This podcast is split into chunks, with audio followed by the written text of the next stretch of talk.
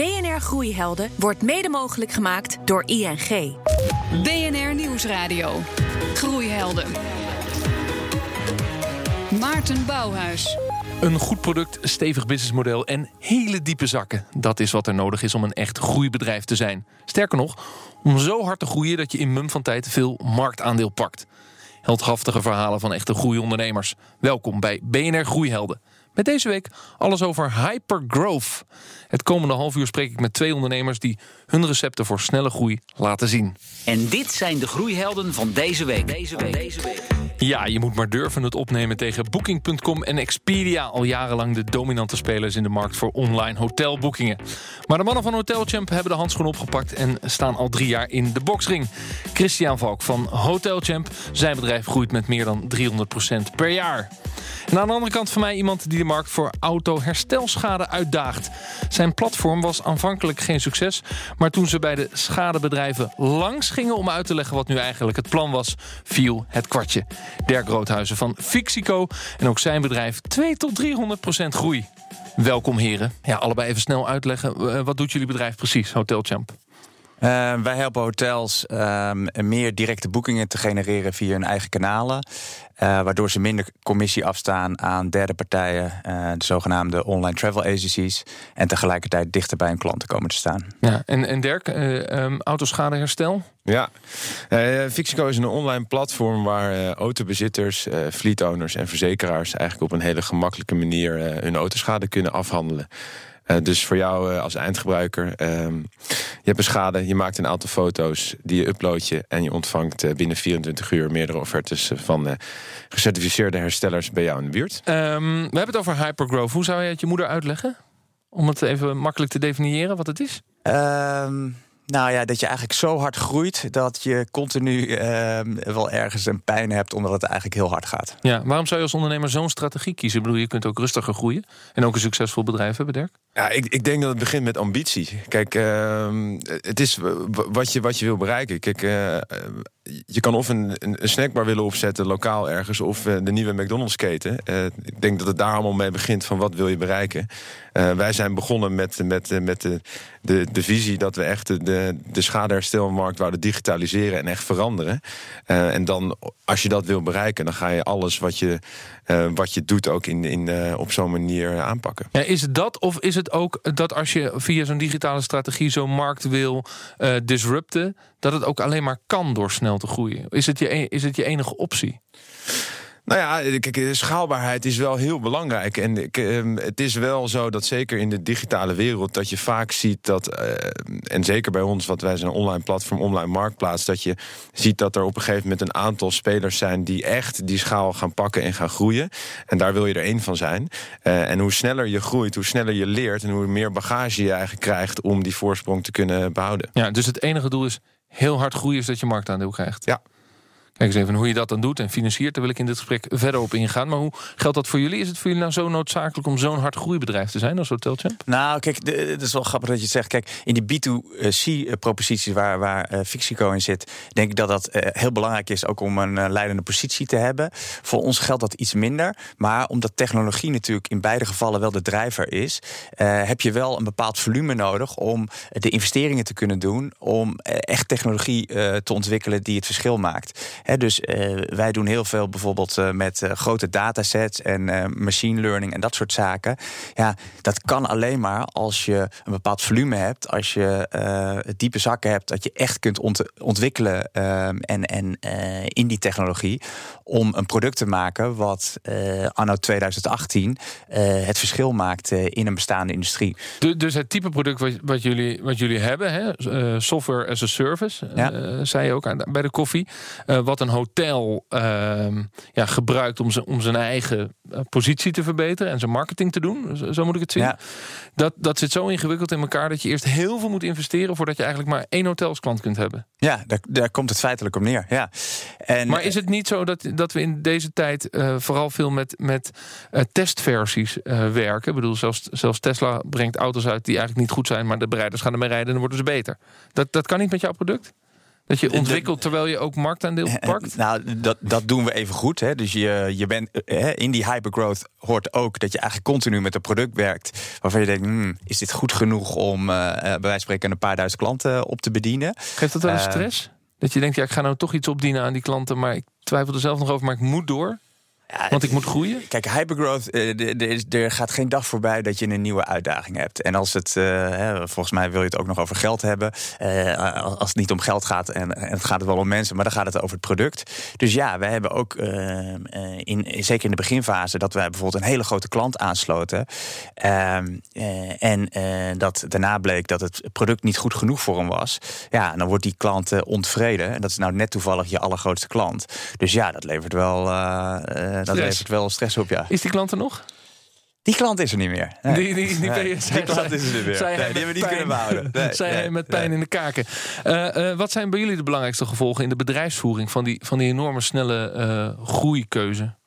Ja, kijk, ik denk dat wat, wat, wat, Chris, uh, wat Chris ook al zei. Het, het, heeft met alle facetten te maken. Kijk, je begint met z'n met, met tweeën en dan later komen een aantal werknemers bij. Dan doe je, in ons geval werken we dan met herstelbedrijven en klanten. Um, ja, het is een enorm verschil om um, zeg tientallen tot honderden klanten per dag te hebben.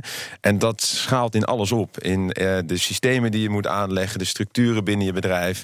In het begin doe je heel veel op basis van gut feel en, en gevoel denk van nou, dit zullen ze willen en dat ontwikkel je. Maar, maar hoe vaak moet je dan je bedrijfsstructuur eh, veranderen? Want jullie bestaan nu een paar jaar. Hoe vaak heb je dat dan moeten veranderen? ik, ik denk, bijna, bijna jaarlijks, denk ik. ik, het is, kun je dan ehm, een voorbeeld geven van, van, van wat er in het eerste jaar, hoe dat eruit zag en, en, en hoe je dat dan hebt moeten veranderen? Nou, het, bijvoorbeeld keuzes maken op basis van data. In het begin deed je eigenlijk nou ja, een gevoel wat jij denkt dat goed is voor de klant. En daarna, nu doe je alles, test je, kijk je naar de data en pas je het aan. En dat gaat steeds verder, maar ook je mensen.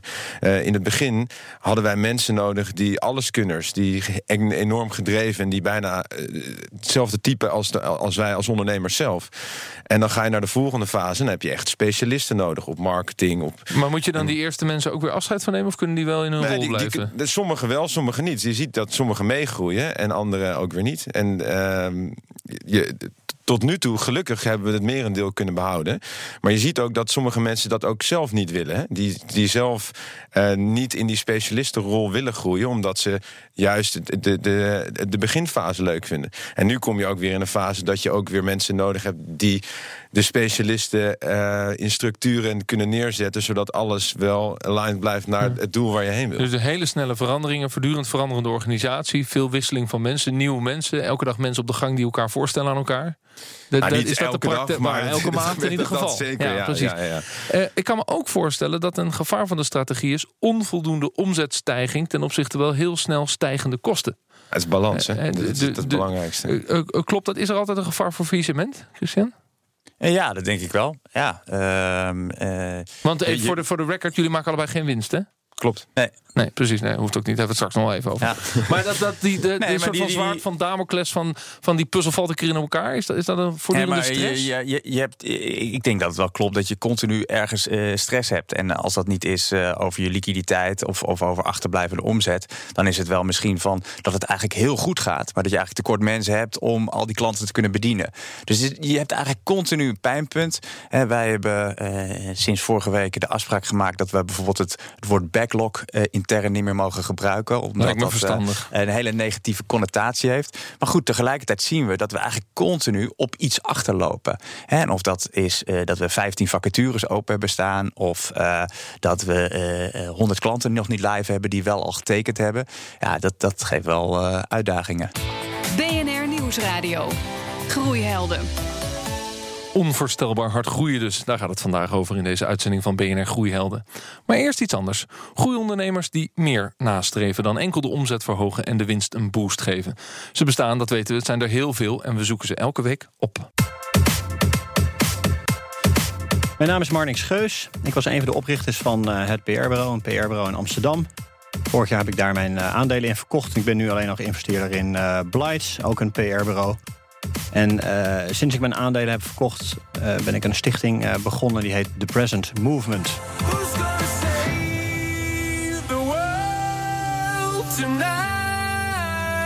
En ik kom net terug uit Lesbos. En wat ik daar heb gedaan is met een groepje ondernemers een aantal vluchtelingenkampen bezoeken. En een aantal NGO's, projecten en initiatieven bezoeken die het leven van vluchtelingen verbeteren. Wat mij het meeste indruk maakte daar was dat uh, Moria, inmiddels redelijk wat in het nieuws, overvol is gemaakt voor 1800 mensen. En er zitten inmiddels 9000 mensen, onder wie 2000 uh, kinderen. Dus dat, uh, dat raakt echt als je daar zelf rondloopt. Nou, waarom ik dit doe, is eigenlijk omdat ik heb ervaren dat je uh, zelf ergens bij moet zijn voordat je echt pas op aankomt te staan. Dus ik heb een groepje ondernemers uit mijn netwerk uitgenodigd om met mij mee te gaan naar Lesbos, omdat ik geloof dat je dan pas echt geactiveerd raakt, uh, omdat je werkelijk geraakt wordt met eigen ogen ziet wat er gaande is. En ook veel meer kunt nadenken over wat er mogelijke oplossingen zijn of wat je er zelf aan kan en wil uh, bijdragen.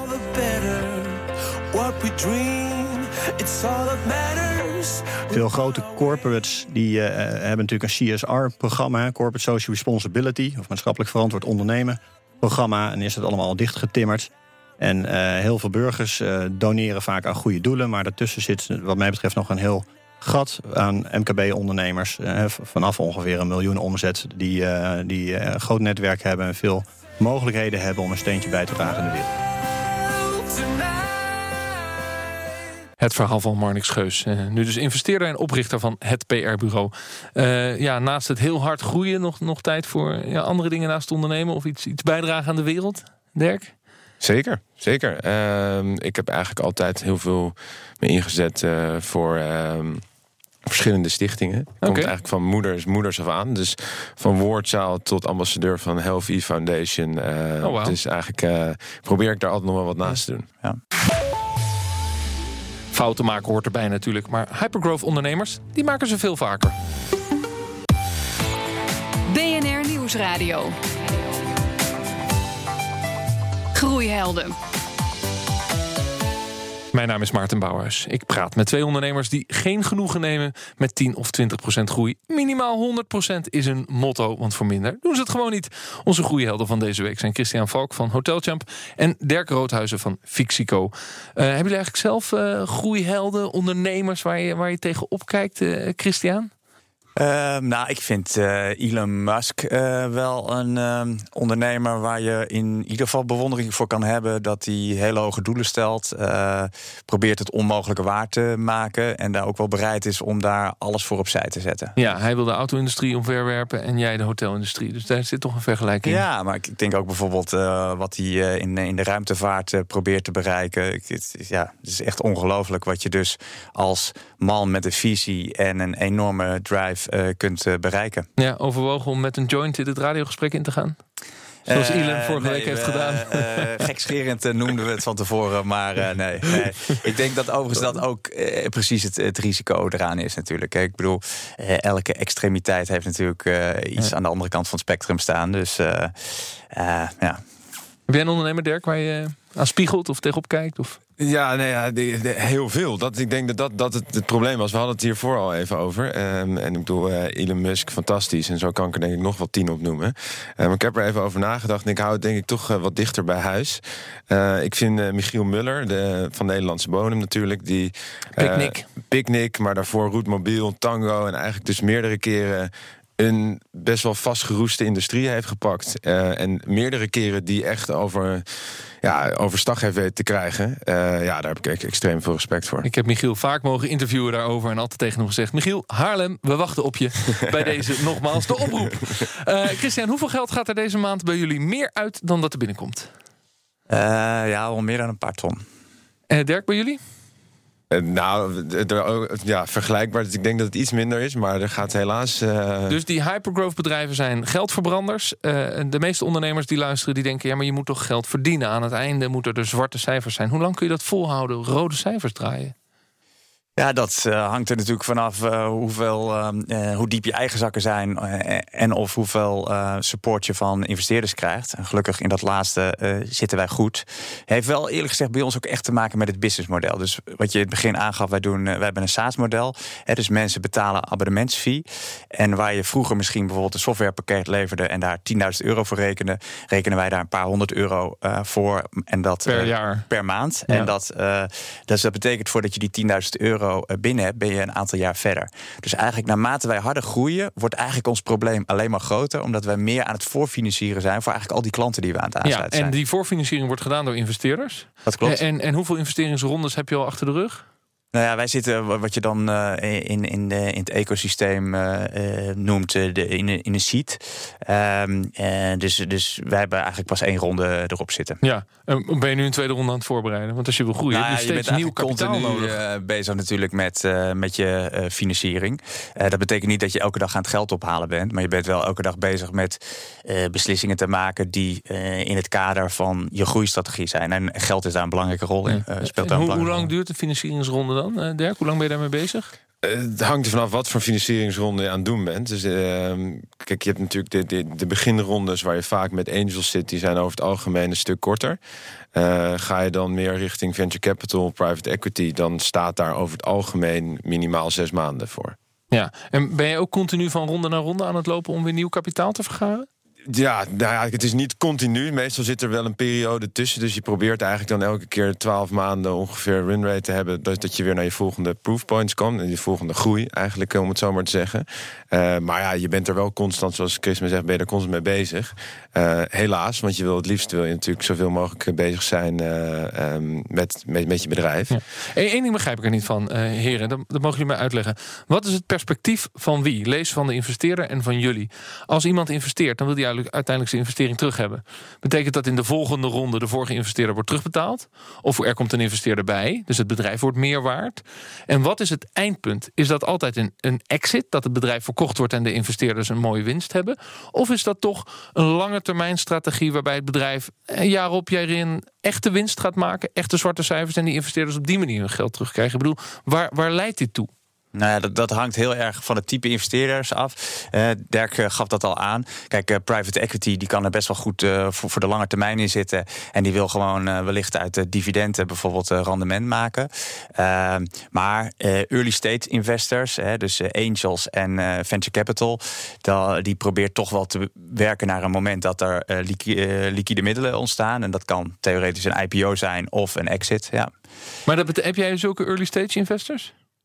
Wij hebben alleen maar early stage ja, investors. Maar dat betekent dat je weet dat je een bedrijf hebt waarbij zij uiteindelijk de druk op gaan voeren om te verkopen of naar een IPO te gaan. Um, of, een ander, of een ander type investeerder eruit. Ja. Die, die hen dan weer, ja. Die, ja, een ander type investeerder die die aandelen overneemt, waardoor zij ook Precies. een dienst hebben. Uh, de, maar, maar dat weet je dus als je in die investeringsronde zit. Het, het, dat moet naar zo'n punt toe gaan, want anders stappen ze ook niet in. Ja, maar goed, je wil, je wil sowieso naar een punt toe gaan dat je groot genoeg bent dat je uh, zelfstandig kan overleven. Dat je interessant genoeg bent uh, om aan te haken bij een andere grote partij. Ja. Of dat je naar de beurs kan gaan. Ja, je moet wat, natuurlijk ergens een, uh, er moet ergens een duurzaam stuk komen. En wat is de strategie? Wanneer hebben jullie zwarte cijfers? over een paar jaar. Een paar jaar. En bij jullie, Fixico? Ja, we hopen anderhalf jaar. Anderhalf jaar. BNR Nieuwsradio. Groeihelden. Groei gaat vrijwel nooit in één rechte lijn omhoog. Vaak hebben ondernemers een zetje nodig. Een kantelpunt die voor de stap naar het succes zorgt. Deze week reist de collega John van Schagen af naar Heerenveen. Bob Dijksma, we staan hier in Heerenveen voor de ingang van jullie kantoor. Um, in 2001 nam jij het bedrijf van jouw vader over. Wat voor soort onderneming was het toen? Uh, ja, dat was Nationale Fietsprojecten. Dat was een bedrijf uh, die eigenlijk voor heel veel werkgevers in Nederland het uh, fietsplan uh, uitvoerde. Het fietsplan uh, was eigenlijk ja, gebaseerd op de fiets van de zaakregeling, waarbij je dus met belastingvoordeel een fiets kunt kopen via je werkgever. Jullie voerden dat dus uit. Um, dat is mooi. Aan de andere kant kun je zeggen, het is ook best wel gevaarlijk. Want jouw hele bedrijf is dan gebaseerd op één fiscale regeling. Ja, nou, dat is helemaal waar. Dat hebben we ook altijd wel geweten. En uh, dat zorgde er nou ja, wel altijd voor dat ergens in ons achterhoofd wel, uh, nou ja, we wel wisten van ja, dit zal ooit wel een keer gaan stoppen. En dat gebeurde op Prinsjesdag 2011. Nou, dat klopt. We zijn eigenlijk met, uh, ja, met, met een hoop collega's ook bij elkaar gaan zitten. En hebben gezegd, wat gaan we doen? Ja, was er overigens paniek in de tent? Bij mijzelf niet zozeer, maar wel, dat, nou, dat merkte ik meer ook achteraf wel bij de, ja, gewoon bij, bij, de, bij, bij de rest van de collega's. Die hadden zoiets van, ja, heb ik nog wel een baan over een paar jaar? En uh, nou, we hadden eigenlijk twee opties. Op zeggen, ja, weet je, we, we gaan stoppen. Of uh, ja, we gaan wat nieuws verzinnen. En zorgen dat we ook uh, eigenlijk iedereen uh, ja, ook in de toekomst nog weer ja, van een goede baan kunnen voorzien. Nou, de reden dat ik hier sta verraadt ook wel de uitkomst. Jullie zijn iets nieuws begonnen. Ik kijk even hierboven bij het pand. Fisk Free zie ik staan. Ja. Je hebt eigenlijk in een paar jaar tijd een volledig nieuw bedrijf gebouwd. Ja, dat klopt. Um, nou, die, die fietsregeling werd afgeschaft. Er kwam wel iets nieuws voor in de plaats, de werkkostenregeling. En um, dat was eigenlijk heel wat anders dan die fietsregeling... maar had wel te maken met uh, ja, een stukje uh, ja, fiscaal voordeel... wat werkgevers eigenlijk hun medewerkers kunnen bieden... voor extra secundaire arbeidsvoorwaarden. 1,2% van de loonsom? Ja, dat is een potje wat werkgevers hebben om, om extra uh, secundaire arbeidsvoorwaarden aan te bieden aan hun personeel. En we hebben eigenlijk gewoon ja, vanuit de klant geredeneerd, vanuit de, de werkgever, waar we natuurlijk hele goede contacten mee hadden. Van ja, waar gaan ze nou tegenaan lopen en waarin zouden wij eventueel ja, een toegevoegde waarde kunnen bieden. Jullie nemen eigenlijk zeg maar, alles rondom die werkkostenregeling bij de werkgevers uit handen, hè? Ja, wij zorgen er eigenlijk voor dat die werkgever zo goed mogelijk gebruik kan maken van dat potje van de werkkostenregeling. En uh, hij kan allerlei uh, ja, leuke extra's aan, hun, aan, het personeel aanbieden. Een fiets kan dus ook nog steeds, maar ook een computer of, of fitnessabonnement of een telefoon of een weekendje weg of, of allerlei andere zaken. En dat faciliteren wij vanuit Visfree. Nu terugkijkend op die periode, wat heb je daarvan geleerd? Uh, als, als het echt uh, spannend wordt en als het echt belangrijk wordt, dat, dat je echt tot veel meer in staat bent dan, dan en dat je eigenlijk op voorhand uh, bedenkt. Het kantelpunt van eh, Bob Dijksma van uh, Fiscree. Ja, Dirk, wie snel gaat, maakt ook sneller fouten. Dat kan niet anders. Uh, wat, is, wat is je belangrijkste fout van jou als snelle groeiondernemer? Van het afgelopen jaar, wat heb je meegemaakt? Ja, ik vind het lastig, lastig om, om er één ding uit te halen. Maar ik denk uh, dat uiteindelijk het ook, wat je net al zei, door dingen gewoon te snel te willen doen. Dus we hebben verkeerde mensen aangenomen omdat we nog helemaal geen onboarding dingen in hadden of de juiste beschrijvingen voor wie we eigenlijk zochten en dachten we moeten gewoon mensen hebben om snel te kunnen groeien. Nou, dan, dan kom je jezelf later nog wel een paar keer, een paar keer tegen. Maar had je de keuze om toen toch even op de rem te gaan staan en wel een onboarding te maken? Nee, je hebt altijd, je hebt, je hebt altijd zelf, dezelfde keuze om Jawel, dat, om maar dat je te hebt doen. dus die enorme drive om die snelheid te maken. Ja, Nee, en dat een gegeven moment kun je klopt, niet harder werken dan dat je kunt. Dus Nee, denk je, maar laat die onboarding maar soms- zitten. Je, je leert on the way eigenlijk dat je zegt van oké, soms is het beter om even dan een week of twee weken extra te pakken om het goed te doen en om het goed neer te zetten, dan dat je eigenlijk gewoon gaat en dat je na twee, drie maanden erachter komt dat je eh, eigenlijk alleen maar heel ver achter ligt omdat je toen te snel bent gegaan. Ja. En Leer je ook in de zin van dat je nu dat soort fouten niet meer zou maken? je leert elke dag. Ja, maar kun je, kun je het ook aanwijzen? Van even, wacht eens even, twee jaar geleden zou ik dit hebben Absoluut. gedaan... en nu loop ik de andere kant Absoluut. op. En ik bedoel, dit, dit is één element. Maar eh, ook met eh, te snel een markt in te gaan zonder dingen te testen of dingen niet goed te meten en niet eerst naar de data te kijken. Is ook gebeurd? Te snel markt ingestapt? Af, af, nou, niet, niet te snel, maar niet op de, te snel opschalen. Dus we, we hadden toevallig bij de koffie hadden we het over Duitsland. Eh, waar we in, in een stad zijn begonnen. Dat ging heel goed. En dachten we, nou, hup, meteen snel, snel opschalen. Toen zagen we toch best wel grote drops in onze, in onze funnel. Eh, waar we gewoon niet goed genoeg hadden getest. Dat Duitsers het veel enger vinden om met eh, data, privacy en dat soort dingen. Eh, en door wat productaanpassingen te doen, was je er in één keer. Maar ja, dat heeft wel geld en tijd gekost. En dat deed je door die snelheid. Wat is jouw belangrijkste groeifout? Nou, ik denk wat Dirk ook zegt. Het is heel moeilijk om daar één ding uit te halen. Ik denk, ik, ik vind twee dingen heel, uh, heel uitdagend. Eén is, uh, je wil eigenlijk heel snel fouten kunnen maken, hè, iteraties. Maar dat staat best wel lijnrecht tegenover je ambitieniveau. Want je wil eigenlijk altijd het beste en, en uh, groter. Dus als het niet lukt, baal je. Maar je moet eigenlijk een soort sfeer weten te creëren in het bedrijf. Dat het totaal oké is om fouten te maken. Dat is, dat is nou, dat is best ingewikkeld. En het tweede is inderdaad, eh, het heeft allemaal te maken met timing.